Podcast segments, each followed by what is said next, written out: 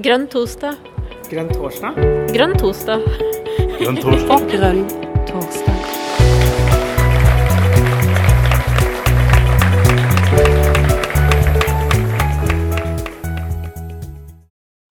Velkommen til Grønn torsdag.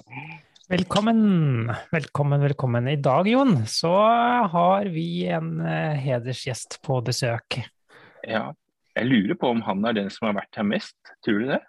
Det kan Det er hende. Det er ikke langt unna. Han har vært og besøkt oss eh, før, i hvert fall. Eh, Ja. Og denne gangen, så for en gangs skyld, så er han her for å på en måte um, Hva skal jeg si? Kanskje ikke bli stilt til veggs, der jeg drar det litt langt, men man Ja, men det er for å rettferdiggjøre alle de tidligere gangene han har vært her. Han, han har vært her for det at han har vært, har vært nestleder, og nå har han lyst til å fortsette med det. Kan vi si det sånn? Ja, vi kan, vi, kan, vi kan si det sånn. Um, det er nemlig Arild Haugstad som er her, og han er jo vår eh, nestleder. Eh, gjør en fantastisk god jobb med det.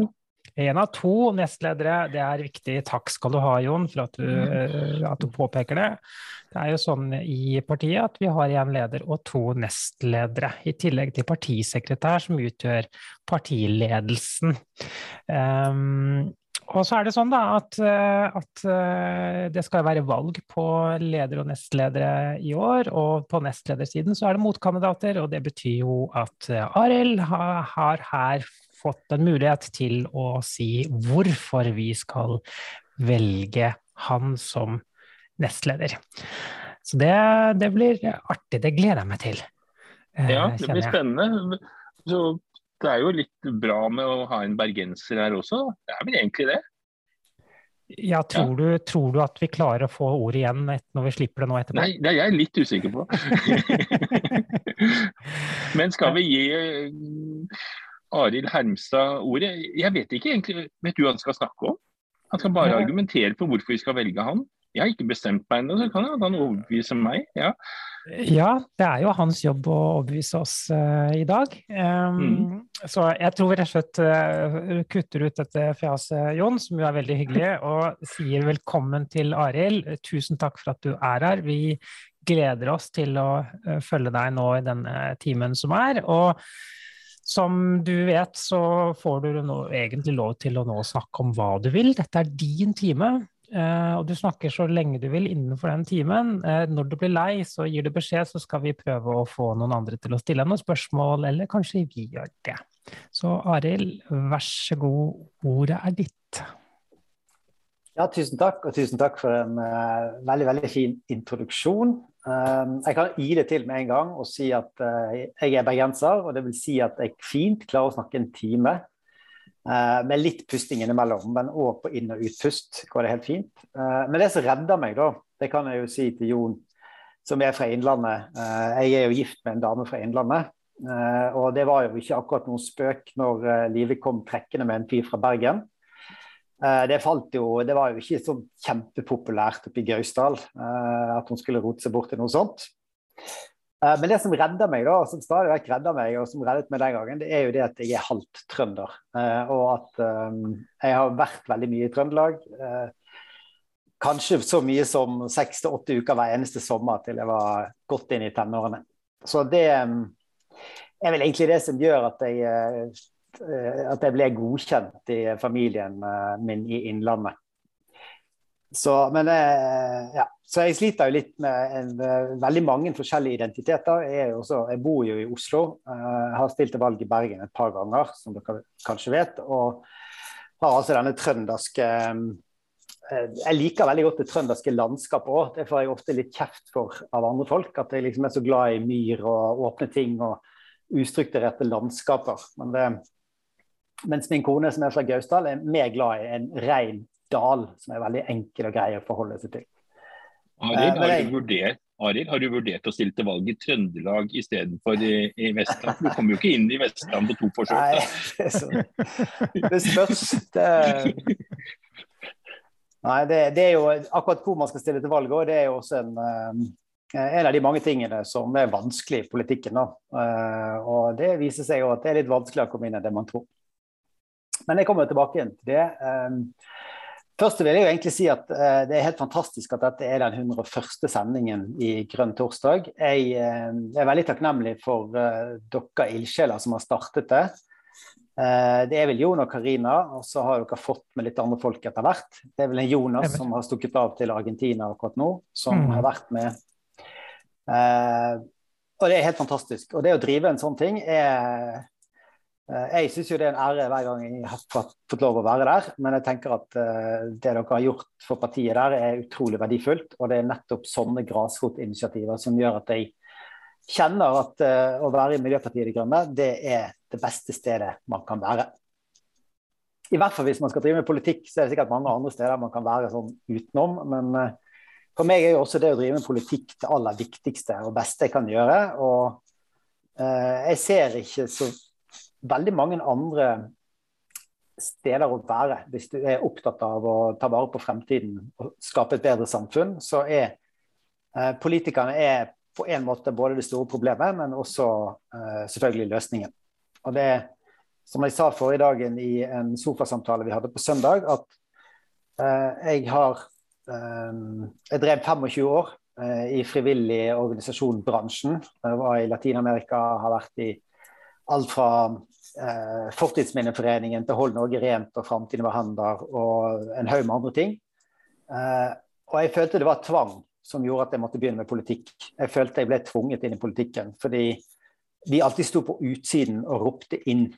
Eh, og jeg mener at eh, politikere eh, Jeg følte meg mange ganger sviktet av politikere som var helt enig i alt jeg sa, uh, men som glemte det når de skulle forhandle. Og som glemte det når de skulle stemme i stortingssalen. Og så glemte det når de måtte gjøre en lobbyinnsats for å få gjennom de sakene som de sa de var opptatt av. Uh, så for meg var det liksom Det var ikke noe frivillighet med å gå inn i politikken. Det var egentlig uh, Med mitt brennende engasjement, som jeg kommer tilbake til, så var det egentlig en tvangssituasjon. For jeg mener det skjer mye bra i næringslivet, det skjer mye bra blant folk, men politikerne henger igjen i en gammeldags virkelighetsoppfatning, og de er redd for endringer. Eh, så det var jo tvangdel av politikken. Og så var det den fantastiske eh, lykkelige posisjonen for meg, det var at det var et parti som eh, fantes allerede, som het Miljøpartiet De Grønne, eh, og som nok hadde spurt meg en del ganger eh, om jeg ville bli med. Eh, men ikke bare det, de tok jo imot meg med åpne armer. og jeg har følt meg hjemme i Miljøpartiet De Grønne siden jeg ble med i 2016. Eh, så det.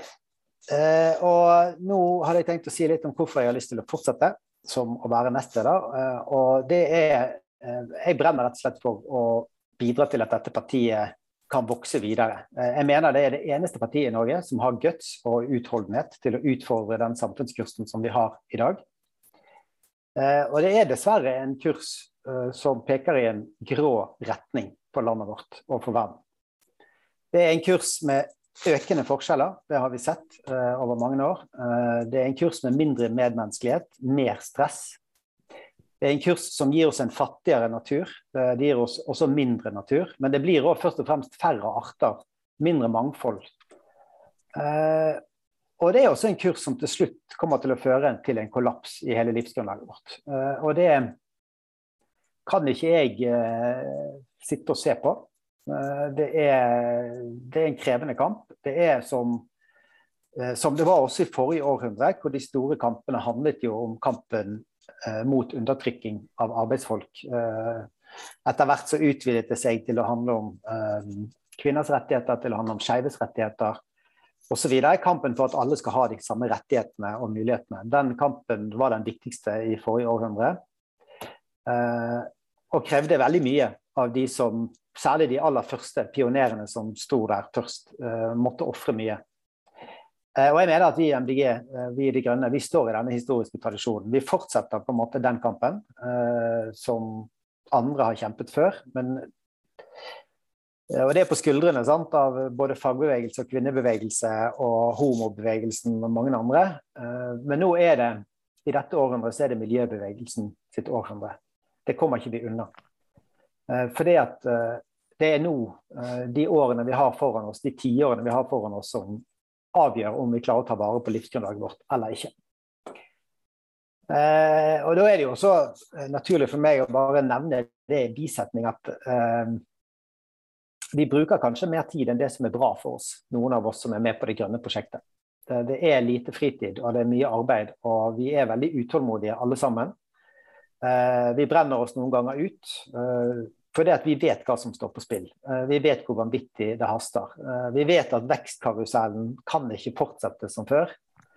Så vet jo vi også at vi kan ikke late som om oljeletingen som Norge holder på med, er spesielt smart hvis vi skal løse klimaproblemet. Vi vet at nedbygging av natur er nødt til å opphøre.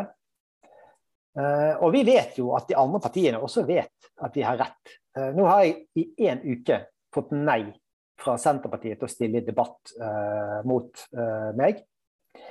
Eh, Pga. hytteengasjementet vårt og våre forslag for å ta vare på natur eh, i kampen eh, som særlig nå hvor vi ser at nye hyttefelt eh, stjeler mye, både i Innlandet og i Vestland og langs kysten vår og flere andre deler av landet. Eh, og jeg innbiller meg at når Senterpartiet, som har jo helt enormt mange statsråder og enormt mange folk på Stortinget, og ingen av de har tid til å stille verken i Dagsnytt 18 eller i Politisk kvarter for å debattere med oss, så må det jo være fordi at de vet innerst inne at de har en dårlig sak. Så det er det. Eh, I denne, eh, i denne situasjonen hvor vi har det travelt, vi vet at folk eh, allerede i dag rammes av klimaendringene, vi vet at de rammes av naturnedbygging, vi vet at uh, rikfolk sylter ned rikdommer, skjuler rikdommer i skatteparadiser. Uh, de økonomiske forskjellene øker. Folk opplever diskriminering. Uh, og her i Norge ser vi at det er flere som får, som sliter med å betale regninger. Alt dette gjør at det haster med å bygge det grønne prosjektet og vokse. og jeg ser jo at ja, For det første er jeg optimist. Sant? Jeg mener at vi ser at vi kan. Vi ser at det er veldig mange mennesker som gjør ting som er riktig. Eh, nevne noen eksempler. En, eh, det finnes et solcelleselskap som heter Otovo, hvor lederen heter Andreas. og Han er eh, en veldig dyktig gründer som også er, er medlem i partiet, og som eh, gjerne skulle stilt opp for oss, men han har det så travelt med dette solcelleselskapet sitt. Men de får til så mye. Eh, jeg treffer folk i, i Bergen, i Bærekraftig liv på Landås, som eh, får til en fantastisk nabolagsorganisering. Eh, og disse menneskene er jo, Før så tenkte jeg alltid at alle måtte være medlem i MDG, men de må ikke det. Det er veldig bra at folk også er medlem i grasrotorganisasjoner eh, og gjør den jobben. Og Så skal jo de føle at vi er på deres lag. Eh, men vi trenger jo ikke stjele alle inn i partiet. For vi trenger mange fotsoldater der ute, og mange folk som er på vårt lag. Og jeg opplever at det er veldig mange som er positive til oss, eh, og som eh, er enig med oss. Og jeg opplever jo at veldig mange av de andre partiene også får til gode ting. Så den første kommunen i Norge som går inn for arealnøytralitet, den ligger i Lofoten. Eh, og det var ikke MDG Vi er ikke engang i det kommunestyret som gjorde det. Så det er veldig mye som skjer samtidig. Det er veldig mange andre partier, andre folk, andre trender, andre land som gjør ting samtidig. Og vi vet jo at mange av de eh, er innerst inne enige med oss. Noen tør å si det, noen tør å være medlem, noen er medlem i andre partier. Men de vet også at eh, vi har en riktig analyse og en, eh, en riktig medisin. Og Den gode historien er jo at når flere folk gjør det samme samtidig, så kan endringer skje veldig fort. Og For oss som står midt oppi det, og som er kjempeutålmodige, så ser vi noen ganger ikke alt det som går bra, og vi ser heller ikke eh, at ting er i ferd med å løsne før det kanskje har skjedd. Eh, så det gjør meg også optimist. Eh, og så Det som gjør meg litt sånn betinget optimist, er at jeg mener at vi som er med i De grønne, må ta vare på hverandre. Eh, vi er nødt til å bli flinkere til det. Vi er nødt til å snakke bedre sammen. Dette forumet har vært helt fantastisk i 101 eh, møter, eh, det mener jeg virkelig. Men det er ingen hemmelighet at vi trenger å se hverandre av og til inn i øynene. Uh, si, ta på hverandre, klemme hverandre, eller å spille fotball sammen, sånn som vi gjorde på Sagene i helgen. Uh, og jeg tror jo også det at vårt parti har nok uh, blitt truffet hardere av korona enn det kanskje noen andre partier har gjort. Men i hvert fall, jeg vet ikke så mye om det, men særlig våre grønne ungdommer ble truffet hardt. Og det tror jeg nok gjaldt ungdommer generelt. Men for et parti som oss, som har så mange grønne, dyktige ungdommer, så blir det kanskje ekstra stor belastning på noen få som som er, Det bør ikke være noen hemmelighet at det var tøft for mange grønne ungdommer. Både valgkampen og det som kom før, men òg selvfølgelig valgnederlaget. Så det må vi rett og slett lære av. Vi må bli flinkere til å ta vare på ildsjelene våre og engasjementet vårt.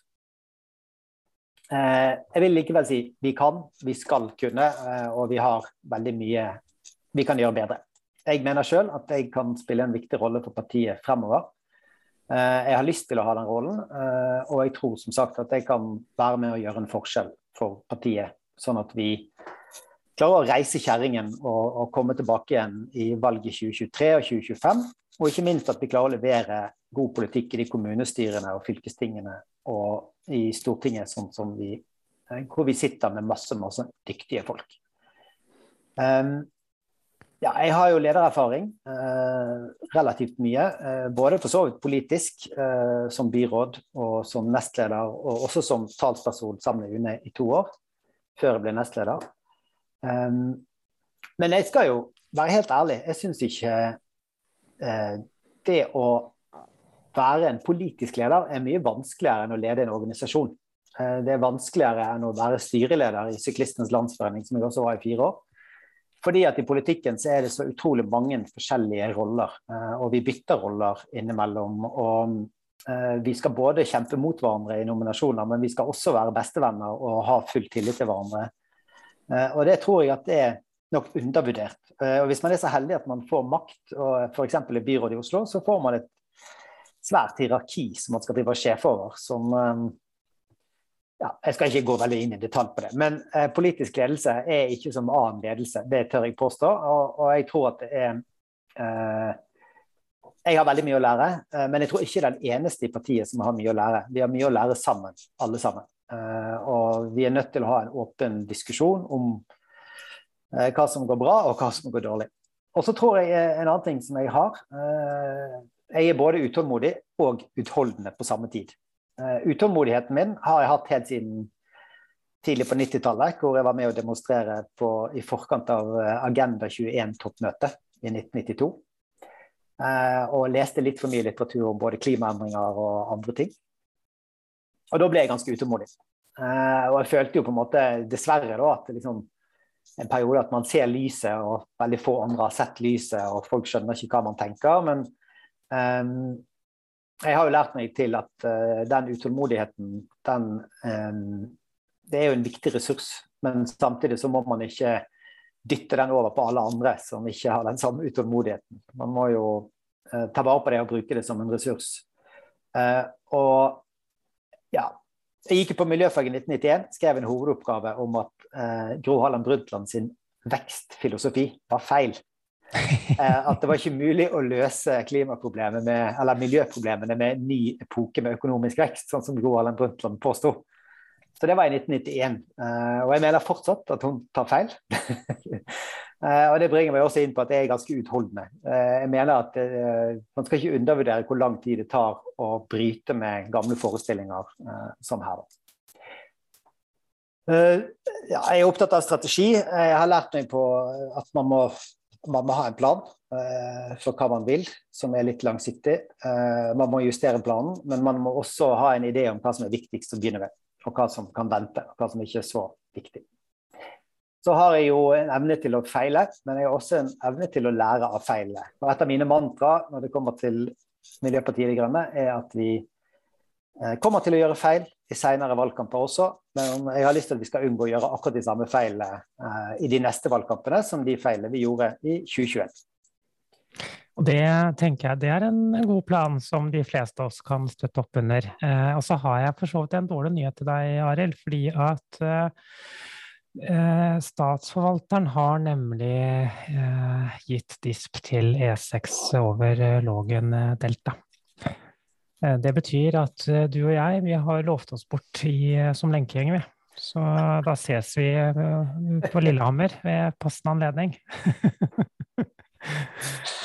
ja, jeg diskuterte det med noen på Lillehammer, og noen mente også at nei, det skulle vi jo ikke gjøre. Det var det en som sa. Jeg husker, jeg tror det var ja, det var en av disse damene, dyktige, flinke damene på Lillehammer som var litt usikre på om det var det vi skulle gjøre da. Uh, men uh, hvis de på Lillehammer syns at vi skal komme og lenke oss, så gjør vi jo det selvfølgelig, Karina. Ja, ja, vi gjør det. det. det. er et løfte jeg har gitt i Gudbrandsdølen Dagningen, så jeg kan jo ikke vike fra det. Um, uh, jeg er med. Jeg kan jo si at uh, til den saken at den skal jo ankes. Naturvernforbundet har sagt at de kommer til å anke saken, og da havner den på regjeringens bord. Så det må vi gjøre noe med. Det må vi gjøre noe med. Og aller helst skulle vi sitte der, så vi kunne ha satt en strek over hele dispen, tenker jeg. Um, men det er en annen sak. Vi sitter ikke der nå. Men det leder oss inn på uh, valgkampen som var, da. Uh, du har jo jobbet litt med å evaluere den, og du var jo også aktiv i valgkampen på lik linje med mange av oss. Um, du skal få slippe å gjøre selve analysen eh, på, og, og referere hele analysen på, på, på, valgkampen vår. Men hva tenker du er den aller viktigste læringen for deg personlig fra valgkampen? Um, det er vel et godt spørsmål. Uh, jeg tenker vel at vi som ledelse burde ha vært mye tettere koblet til hverandre. Vi burde hatt en eh, Ja, vi, vi eh, Det var jo, som dere vet, en periode med eh, konstituering for min del, hvor jeg var partileder og Une var i permisjon. Og hvor vi satt på hver sin katt, men altså, vi kunne fint ha gjort noe med det. Vi hadde altfor sjelden møter, vi var altfor lite rutet opp mot de samme tingene. Og vi var for lite strategisk, særlig i den korte valgkampen. Mm. Uh, det mener jeg. Og så bør uh, vi uh, Vi hadde for lite dialog og kontakt med fylkeslederne våre, særlig. så det tror jeg også at vi burde hatt en bedre koordinering på. Uh, og for min egen del så har jeg også lært at vi Altså, jeg De hadde en del krasse utspill i ledelsen. Uh, og jeg mener ett eller to av de var helt greie. Men jeg tror at summen av det ble for mye. Mm. Og så ble vi også Vi løp i, for, vi løp i angrep hele gjengen, og ingen sto igjen i Forsvaret. Og jeg tror at det var en kultur som vi må jobbe med. Jeg tror at den kulturen heter at vi blir retthaverske. Eh, vi blir altfor gira på å komme på i media, at det er det viktigste. Og vi glemmer å være likende folk med et ekte engasjement, og vi glemmer å snakke om hva vi er for. Eh, og eh, vi ble også uattraktive fordi at Vi ble ikke bare et miljøparti, vi ble et anti-oljeparti. Man mm. brukte hver anledning man hadde til å snakke om en eneste sak, og det ble mm. for snevert for folk. og det ble for utrivelig for folk. Og det var ikke så mange, det var egentlig ikke i tråd med strategien vår heller. Så det irriterer meg litt. Jeg mener at jeg har et ansvar for uh, dette burde vi ha sett uh, før uh, det var for seint. og det ja, så For min del er det veldig mye å lære. For min del er det også sånn at jeg er den som foreløpig har mest eierskap til evalueringen. Og det er litt fordi Chris kommer til å slutte. Mm. Eh, og litt fordi Une har vært i permisjon og ikke var der når eh, evalueringen var der, og heller og også har veldig mye annet på sin tallerken. Eh, sånn at det på en måte Jeg er veldig opptatt av at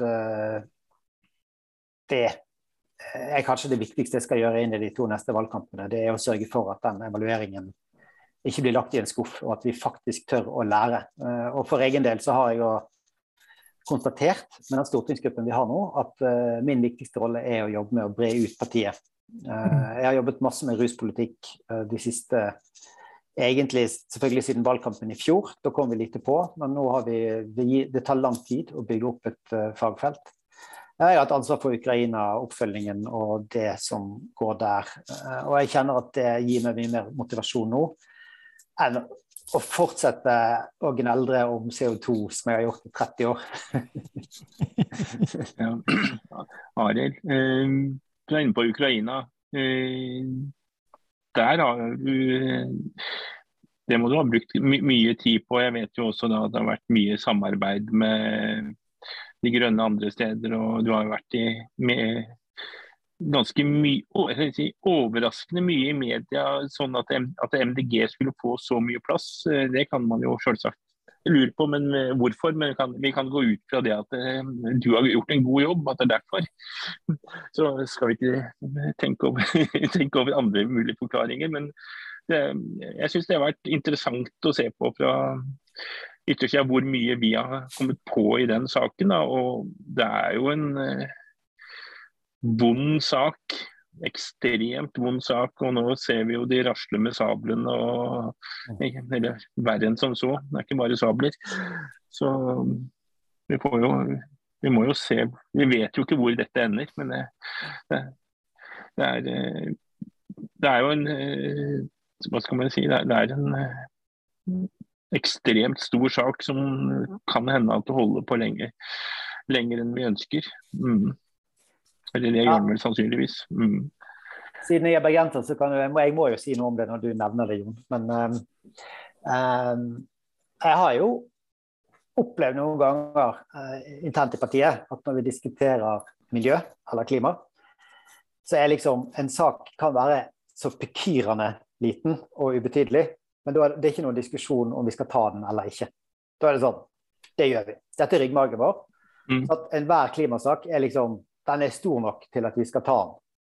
Enhver mm. annen sak da må man argumentere for at den er stor og viktig nok for at vi skal ta den. Uh, og Når det gjelder Ukraina, så har jeg hele tiden insistert på at dette forandrer egentlig premissene for um, det å drive politikk uh, i Norge de neste årene. Dette er noe av det viktigste som uh, kommer til å skje i vår levetid. Uh, den invasjonen og den aggresjonen som russerne har påført Ukraina.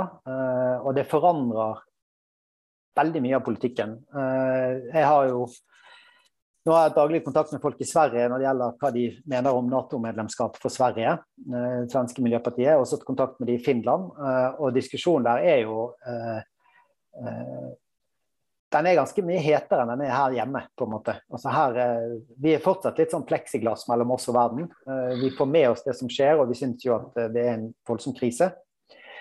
Men når vi har en samferdselsminister som kan si at her i Norge har vi ingen energimangel, når han kan si det på TV Vi har ingen energimangel i Norge. Og vi leser i avisen i dag at dette er den verste energikrisen siden 70-tallet. Og, og, det kommer til å vare lenge så, så, får det enormt mange virkninger. Eh, matpriser, jordbrukspolitikk, energipolitikk, sikkerhetspolitikk. Veldig mange av de eh, områdene som er viktige for De grønne, de kommer til å Der legges mye av premissene på hva som skal skje i årene fremover i disse dager. Og jeg vil heller snakke ut fra våre løsninger enn å late som om Rødt eller SV eh, har, eller eh, Haukepartiet Venstre som eh, bare skal sende mer våpen hele tiden. Altså, vi trenger å få frem våre perspektiver.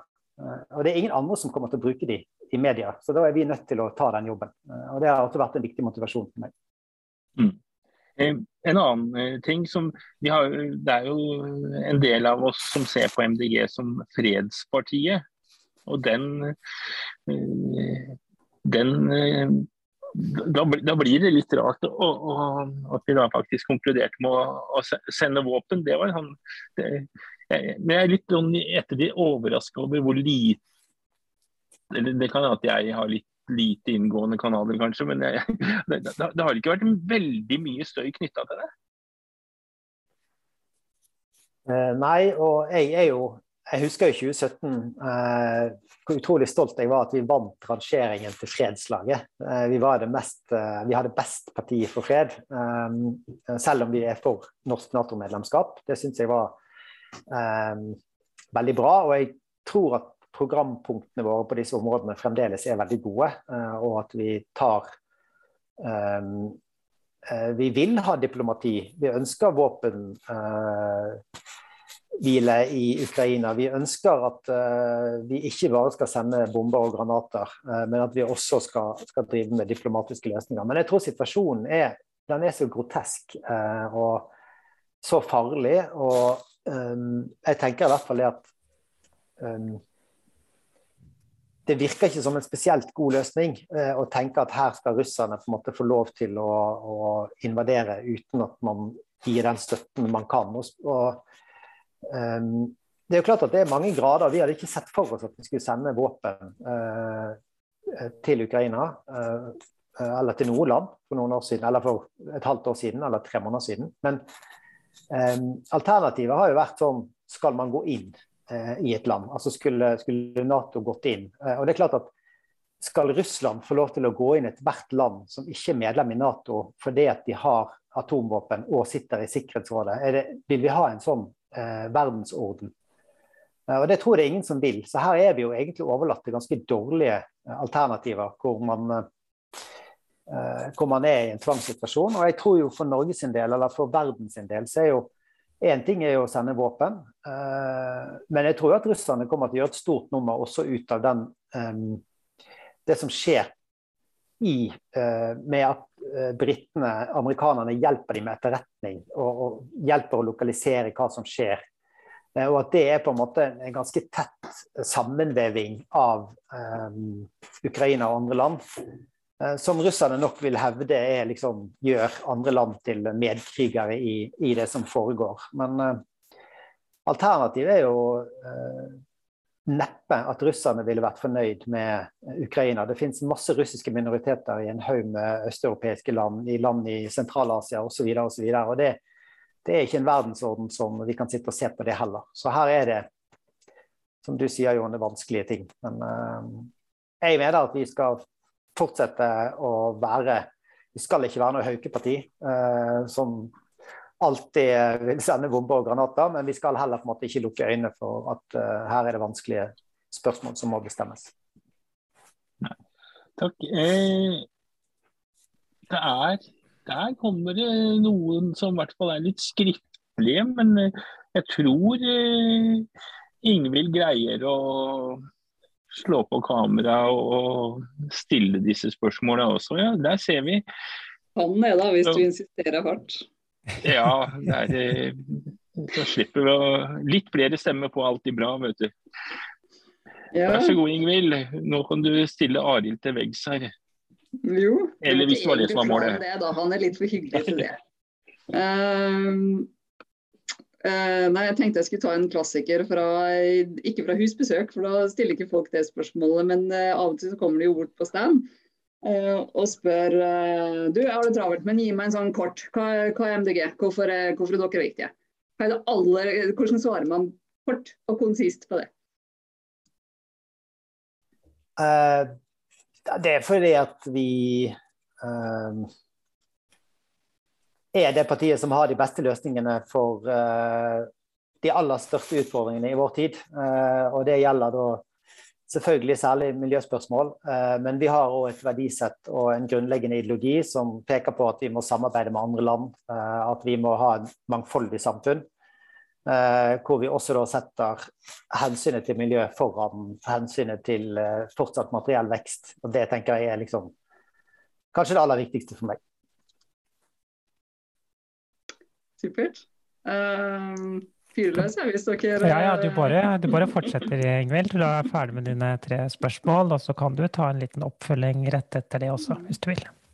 Uh, ja, jeg har lurt på, Vi har snakka litt om, uh, hørt dere si, tror jeg alle kandidatene, at, uh, at, vi må være flinke til å ta vare på folkene våre og, og bygge kandidater over tid og alt det her. og det det tror jeg alle er enige om at det er viktig, og så kan vi diskutere hvordan gjør man det på den best mulige måte. Men, men så kommer det også til å komme noen nye politikere, helt sikkert. Eller håper vi iallfall. Eh, etter, etter lokalvalget nå neste gang.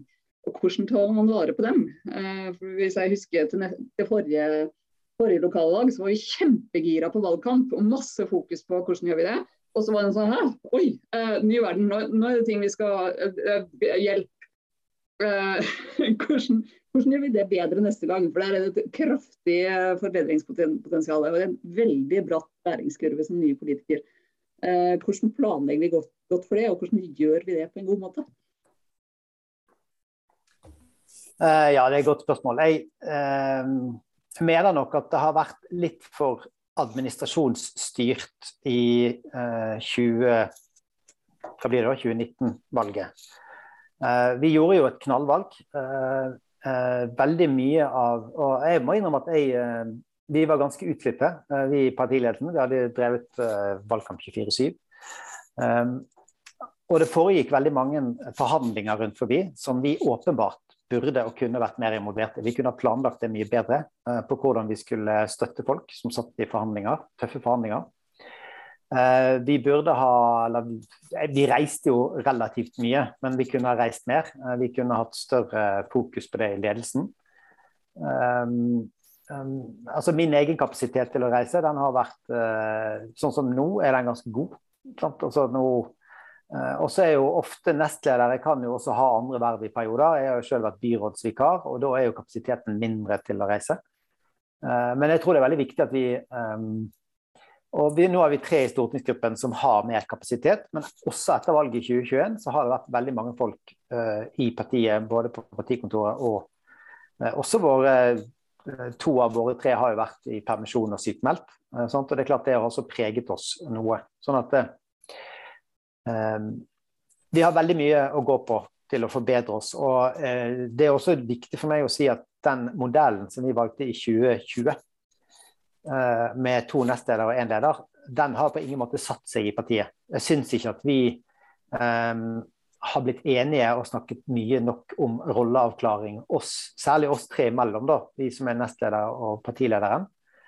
Uh, og hvor mye av um, ja, og det, Selvfølgelig har det med pandemien å gjøre. Sant? Altså fysisk uh, Når Chris satt i Harstad, så ble det mye Zoom og lite fysiske møter, lite tid til heldagsmøter.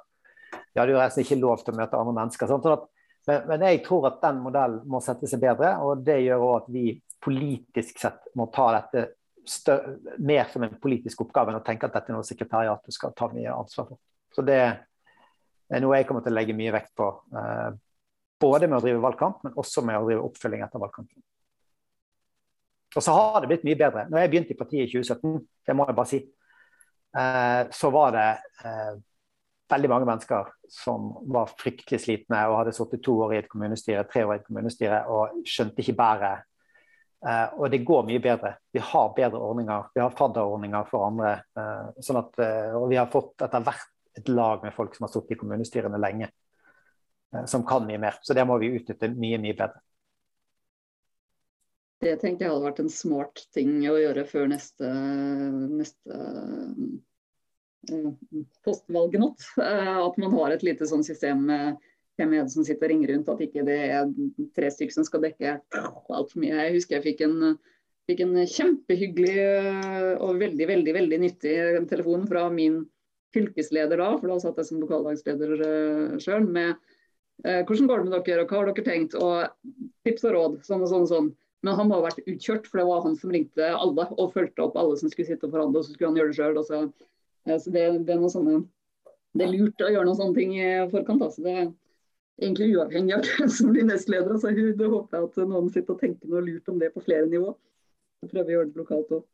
Um, kan jeg bare legge til én ting også uh, når det gjelder fylkesledere? Det er jo at Vi har jo opplevd at uh, i hvert fall når jeg begynte i partiet, så var fylkeslederne mindre politikere og mer administratorer.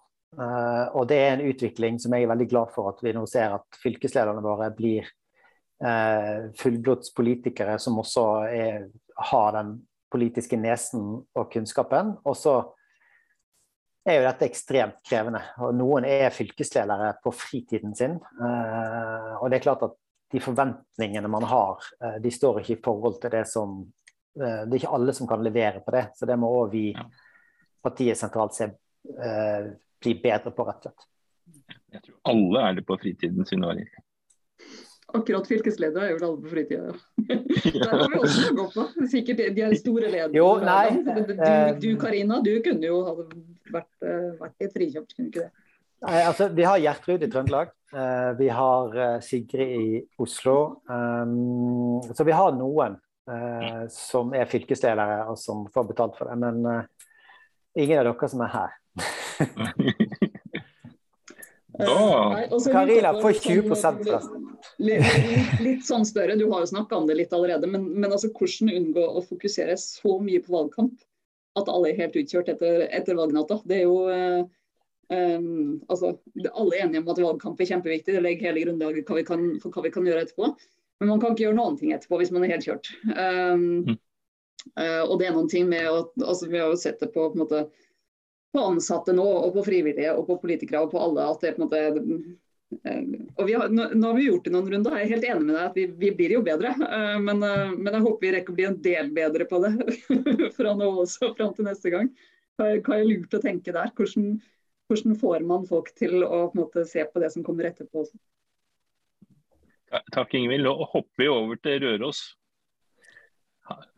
Men, men, skulle ikke Arild svare på det spørsmålet? Nei, men Han han, han svarte så mye.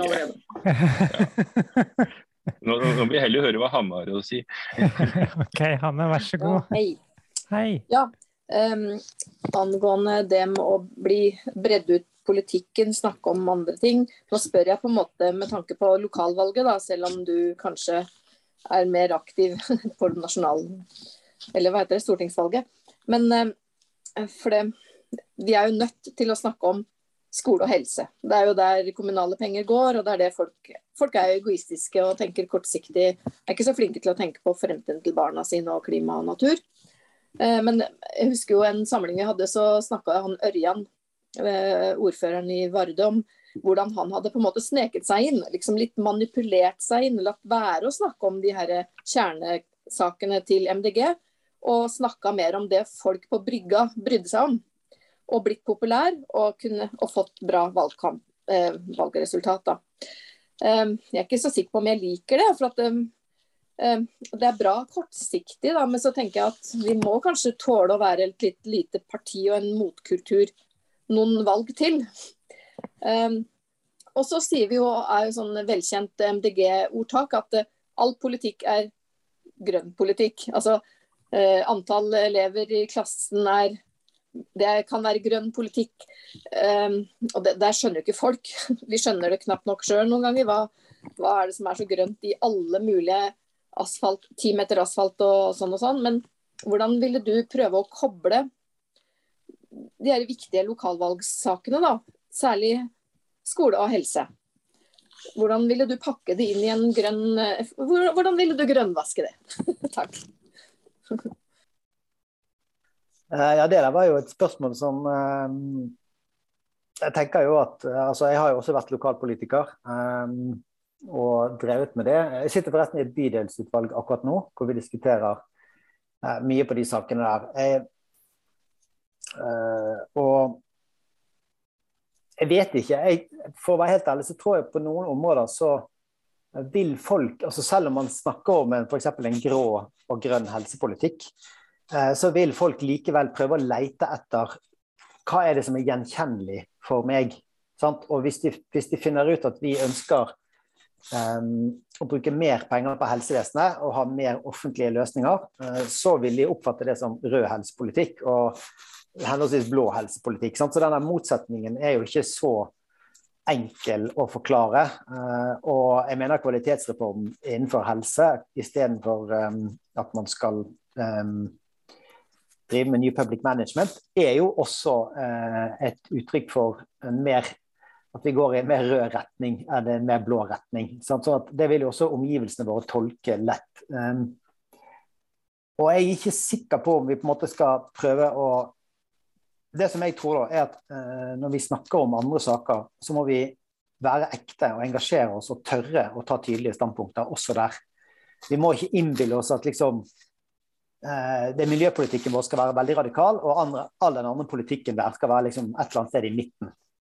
Eh, vi må være et ekte politisk parti med ekte politiske løsninger på alle områder, hvor vi krangler som fillene fyker, enten det er inntaksmodellen i Oslo eller andre steder, eh, eller det er fastlegekrise, eller det er rusreformen, eller det er hvordan folk blir behandlet, så må vi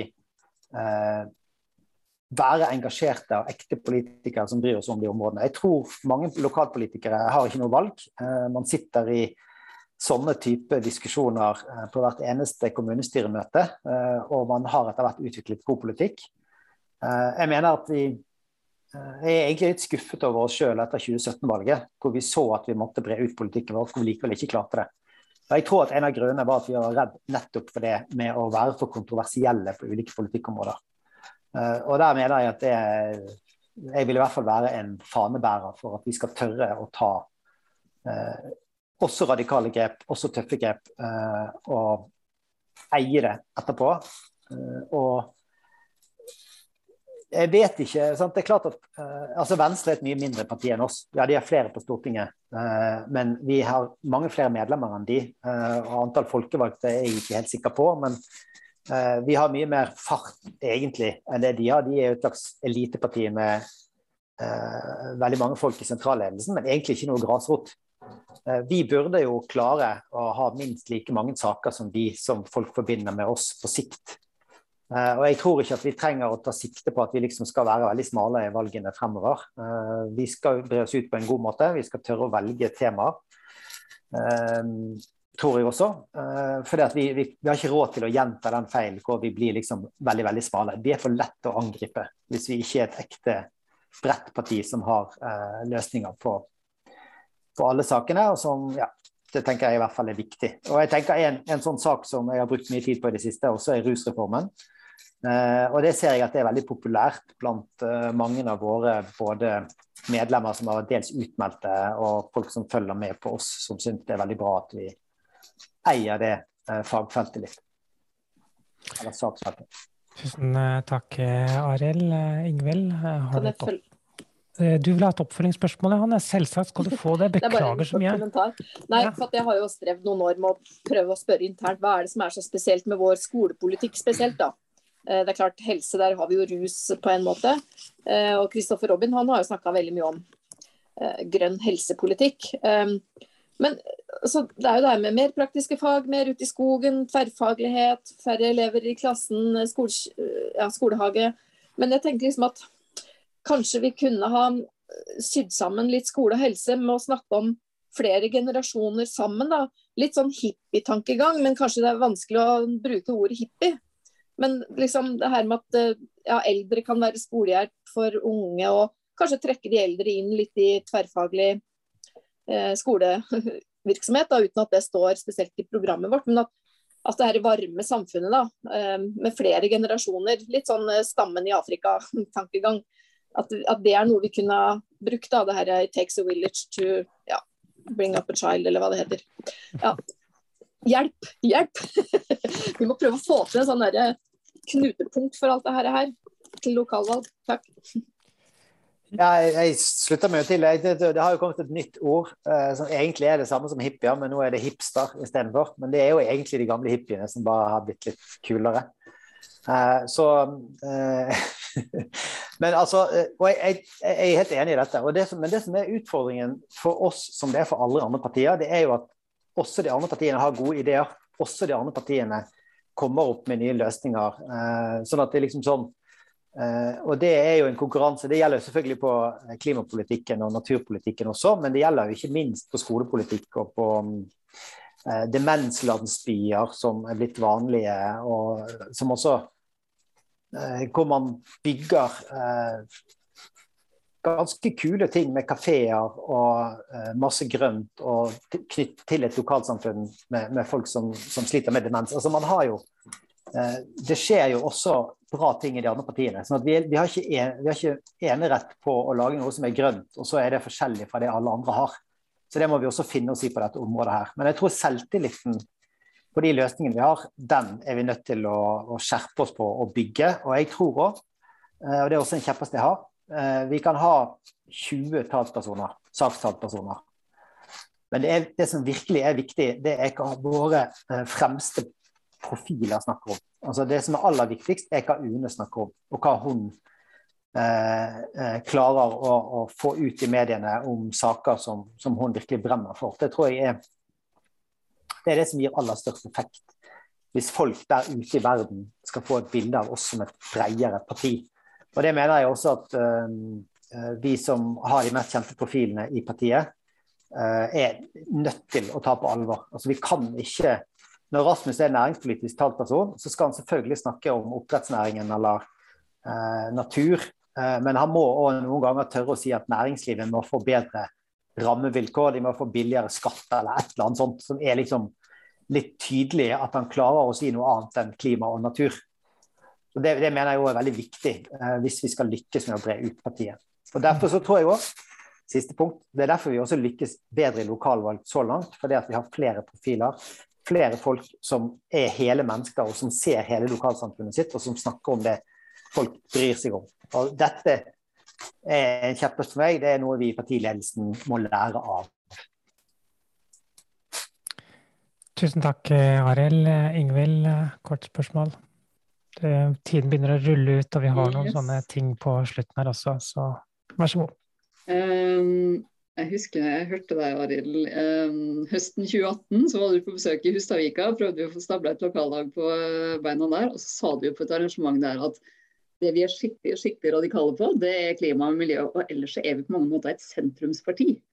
Er det utdatert nå, eller er det sånn du ser på det? Eller husker jeg deg feil? Det kan jo hende. Nei, jeg tror du kan huske meg riktig på det. Og jeg, jeg mener at det er en av de tingene som nok ikke er helt riktig. Altså sånn, eller um, Hvis vi sier sentrumsparti, så sier vi noe som folk kjenner seg igjen i. da. Så det er på en måte å gjøre livet litt lettere for de som lytter til oss. Uh, uh, og det finnes mange sentrumspartier som har ganske heftige meninger. altså Venstre er et sentrumsparti, og de vil ha de vil vel, ja, de har en del radikal politikk på noen områder.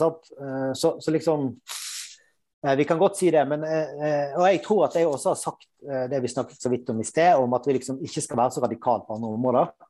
Men det mener jeg da ikke lenger. Altså, det er en av de tingene jeg føler at jeg har lært, at vi skal ikke være redd for å ha kontroversiell, god politikk på alle saksområder, hvis det er det som er riktig.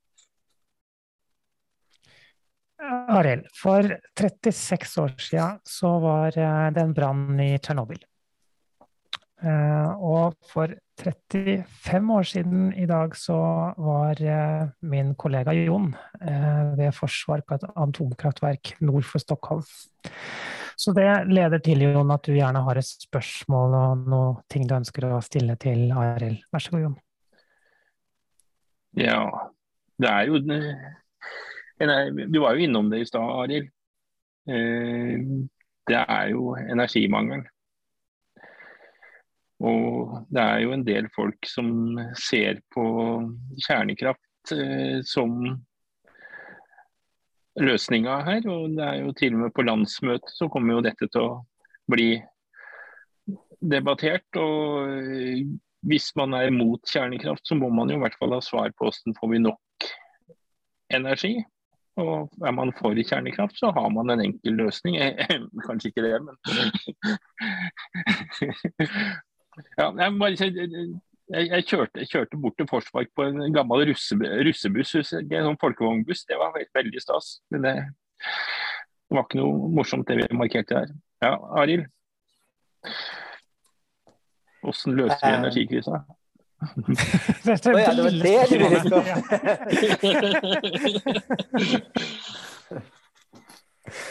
um, Nei, det er jo ikke det enkleste spørsmålet. Det jeg, um, nå kommer jeg til å stå bak et endringsforslag til når det gjelder kjernekraftresolusjonen, som uh, i praksis sier, uh, ikke av et ideologisk eller uh, den type standpunkt, men et sånn hensiktsmessighetssyn, at ikke Norge trenger å, å, å bruke ressurser på kjernekraft, fordi at vi har så mye annet som vi må bruke ressursene våre på. Og vi har mer enn nok med å få oljeingeniørene til å slutte med olje og begynne med fornybar. Så hvis vi skal sende dit via kjernekraft først, så kommer det til å ta vinter og vår før det skjer noe. Um, men uh, jeg, altså, det enkle svaret er jo at vi må bruke energien mye smartere. Uh, det andre enkle svaret er at uh, Norge må bidra med havvind. vi må bidra med solceller på tak, på, ikke på alle tak, så i hvert fall på enormt mange tak. Jeg tror internasjonalt samarbeid er avgjørende. Eh, vi kan selvfølgelig sende strømmen i ledninger, men vi kan også sende den i form av råvarer, i form av eh, hydrogen, eh, som også kommer til å skje. Og jeg tror at det som skjer i Europa nå, er skjellsettende i forhold til hvordan energi vil utvikle seg. Og jeg, jeg mener ikke at enhver vindmølle er en frihetsgudinne, men det mener altså energiministeren i Østerrike, som er valgt inn for De grønne.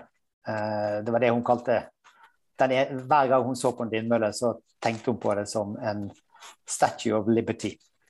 Eh, eh, og sånn er situasjonen i Europa nå. at selv om, og Der har de jo akkurat samme debatten som i Norge i mange land. at Det er mye negativt med vindmøller. Men det er, det er ingen tvil om at Norge kan bruke de enorme ressursene vi har til havs for å bidra til, en, til mer energi i verden. Og Så håper jeg vi finner på enda smartere måter å produsere det på som har enda lavere avtrykk. Ja, det var jo et, et, greit eh, svar. Du kunne også svare, si, sagt noe sånt som at svaret er 42, så er det jo noen blant oss som ville skjønt hva du mente med det. Eh, Jon, er du fornøyd med, med, med, med svaret til Arild? Eh, har du noe oppfølgingsspørsmål? Nei, jeg er vel ganske fornøyd. Så får vi jo se hva partiet ender opp med å mene. Det er utenfor Arild og min kontroll, selv om vi begge to kommer til å stemme på et eller annet knytta til dette. Eh, Arild er jo også involvert i en eh, større energiresolusjon som er oppe på landsmøtet, så det blir mye energidiskusjon. Eh, men Jan Rune har venta lenge nå, og vi går jo mot slutten. Så Jan Rune må jo få kommet på hva har du tenkt å bidra med i dag? Ja. Du tok meg litt på det var energispørsmålet, så det fikk jeg få svar på. Men så kom jeg akkurat hjem fra landsmøtet i Naturvernforbundet. Eh, og vi snakka om motorvei på Lillehammer. Vi var jo på en uh, befaring på Lillehammer og fikk jo se Delta der og Lågendeltas venner. og Jeg bor midt på Ringerike. Og vi har jo også motorveiprosjekter her. Det var på befaring sammen med Birdlife og Aftenposten her i går på våtmarksområdet. Så spørsmålet er egentlig altså Det, det blir jo vedtatt hele tida at det skal eh, at en får tillatelse til å bygge. Hvordan skal vi få overbevist egentlig myndigheter eller resten av politikken at dette her ikke er noe lurt? Og fortsetter ved Hordfast også som en uh, Dette vil jo bare utvikle seg. Ja, ja. Verdens enkleste spørsmål. Uh, nei, uh, jeg tror dessverre at uh, grunnen til at Senterpartiet og Erling Sande, som er nå leder i transportkomiteen, er skeptisk til um, 110 km og firefelts motorveier Det ligger an til at vi klarer å stoppe en oppe i Trøndelag, i Levanger. Uh, og Hordfast kan også bli lagt i en skuff. Jeg har sagt at Hvis det skjer, så skal han få en bøy, skal jeg lage en, personlig lage en bøyte av han og sette på Torgallmenningen i Bergen. Uh, men uh, jeg tror at grunnen til det handler ikke om eh, klima eller miljø eller noe som helst, eller natur. Det handler om penger. Og jeg tror at problemet vårt er at um, vi har et samfunn som setter hensynet til økonomien først. Uh, og hvis hensynet til økonomi og hensyn til natur går hånd i hånd, så har vi sjans. Men der det virkelig oppfattes at det står i motsetning, så har vi en, en enormt stor jobb. Jeg tror ikke den slutter i på dette landsmøtet eller neste landsmøte eller landsmøtet etter der for, eh, for MDG. Vi, jeg tror vi må være den vi må være, altså Dere, da, og det er sikkert flere her i rommet. Jeg vet jo at Jon har jo holdt på med miljø like lenge som meg, minst. Eh, altså det er liksom, Jeg må tilbake igjen til 1988 og Brundtlandskommisjonens eh, idé om at en ny epoke med økonomisk vekst skulle fikse alle miljøproblemene. Det har jo vært feil helt siden. Eh, men vi, vi, kan på en måte ikke gi oss på det perspektivet. Vi må fortsette å, å, å kjempe den kampen. Eh, og jeg tror det er også som sagt vanskelig å se at de egentlig får de gjennomslagene som vi av og til får. Noen ganger så glemmer vi det. Og jeg tror at de uh, ja, vi må bare holde ut og hi opp perspektivet, så skal vi klare å ta vare på eh, enormt mye natur etter hvert. Ja, ja. Mm. Så hold ut, sier han Rune. Har du noe oppfølgingsspørsmål? Ja. Nei, det var egentlig det jeg hadde. tusen, tusen eh, takk. Jeg så, Ingvild, at du hadde hånden oppe, eh, men du tok den ned. Betyr det at du har eh, trukket deg, eller at du likevel Betyr at jeg kom at jeg kom litt, kom litt seint inn i møtet, så dere har sikkert snakka om det. Jeg hadde bare syntes det var artig å få lov å høre hva syns du, Arild, er den største forskjellen mellom deg og den som benker mot deg, Kristoffer Robin? Og eventuelt de, de andre kandidatene. Det er vel et endringsforslag her som gjør at det òg kan bli relevant. Vær så god, Arild. Eh, altså jeg kan jo svare på vegne av eh, på si meg sjøl, og jeg har ikke så mye altså Fordelen med meg er at jeg har sittet i sentralstyret siden 2017. Jeg har vært partileder og eh, talsperson sammen med UNE og vunnet et valg i 2019. Eh, jeg har vært nestleder eh, og dels fungerende leder i en valgkamp hvor vi, vil jeg si da, gikk litt på trynet. og jeg har funnet ut etter det, og runda med meg sjøl, om at jeg syns dette prosjektet er verdt å kjempe for videre. jeg ønsker meg et parti også som innser at det å bygge profiler, det å bygge et lag, det å bygge en ledelse, det er ikke gjort på to eller fire eller seks eller åtte år. Eh, jeg mener at partiet står seg på å um, prøve å jobbe videre med de strukturene man har. Eh, jeg syns det er veldig dumt at Chris har trukket seg som nestleder. Jeg hadde sett frem til å kunne være sammen med hun eh, og være sammen med resten av ledelsen eh, og bygge partiet videre. Eh, og det er helt sant. Jeg har faktisk jeg har vært nestleder i to år, og det har stort sett vært korona hele tiden. Jeg har truffet min mednestleder fysisk kanskje tre eller fire ganger. Så jeg tenker litt sånn ja, jeg tenker hvis jeg, hvis jeg, hadde sett at det kom personer som åpenbart hadde noen kvaliteter som virkelig jeg manglet, og som jeg tenkte dette trenger partiet nå, Eh, så ville jeg også tenkt at ja, dette kan være en god uh, anledning for meg til å uh, finne en annen rolle i partiet. Men jeg, jeg føler jeg har såpass mye uh, igjen å gjøre, og jeg har såpass mye som jeg har lært, som jeg har lyst til at også partiet skal ta med seg videre, at jeg svært gjerne har lyst til å være en del av ledelsen fremover. Det hørtes jo nesten ut som en perfekt sluttappell, det, det Jon. Hva tenker du? Ja, Hvis han ikke hadde planlagt en helt annen sluttappell, så var det dette den vei. Jeg, jeg, hadde du planlagt noe, Arild? Nei, jeg syns egentlig, egentlig, jeg fikk en sånn lissepasning fra Ingvild her, så jeg, jeg, er ganske fornøyd, faktisk. Ja. Det, det, var en uh, lissepasning, og den tok du helt, uh, helt, superbt, bare for å si det på den måten. Så, så tusen uh, takk. da tror jeg rett og slett vi tar oss og runder av. Um, så da kan vi jo starte med å si tusen takk, Arild, for at du har stilt opp her i dag. og, og svart samvittighetsfullt på alle de eh, mer eller mindre vanskelige spørsmålene som du har fått, og du har fortalt en del om deg selv og fortalt litt om hvordan du tenker om ting, og det tror jeg mange vil sette stor pris på. Um, men dette er jo ikke siste gang vi har Grønn torsdag med nestledere, Jon? Nei, det er altså, dette er faktisk en tirsdag, Karina. Men når, når, det er en ordentlig torsdag, da kommer eh, den siste av eh, de nestlederkandidatene, Kristoffer Robin Haug. Som da ja, er så hva skal vi si, ikke, ikke, frekk, men freidig i hvert fall, at han utfordrer Arild. Men det er jo sånn det er jo sånn vi får folk til å skinne i dette partiet. At de får noen som utfordrer de, og så må de strekke seg litt lenger. og så får vi se de gode sidene av Eller de ekstra gode sidene av både Arild og Kristoffer Robin. Ja, så det, det gleder, gleder, jeg meg til. Så det er allerede nå førstkommende torsdag klokken åtte. Så er det bare å tune inn på Grønn torsdag, så får du møte Kristoffer Robin. Men det er da, og akkurat nå så har vi Arild her, så vi får hedre ham med, han, med en sånn liten sånn vinkeapplaus og sier tusen takk for at du har vært med i dag. Og så ønsker vi alle en fortsatt god i like måte så ønsker vi alle fortsatt en god tirsdag. Eh, siden det er en grønn torsdag på tirsdag i dag, så ses vi på en torsdag nær deg. Hei så lenge.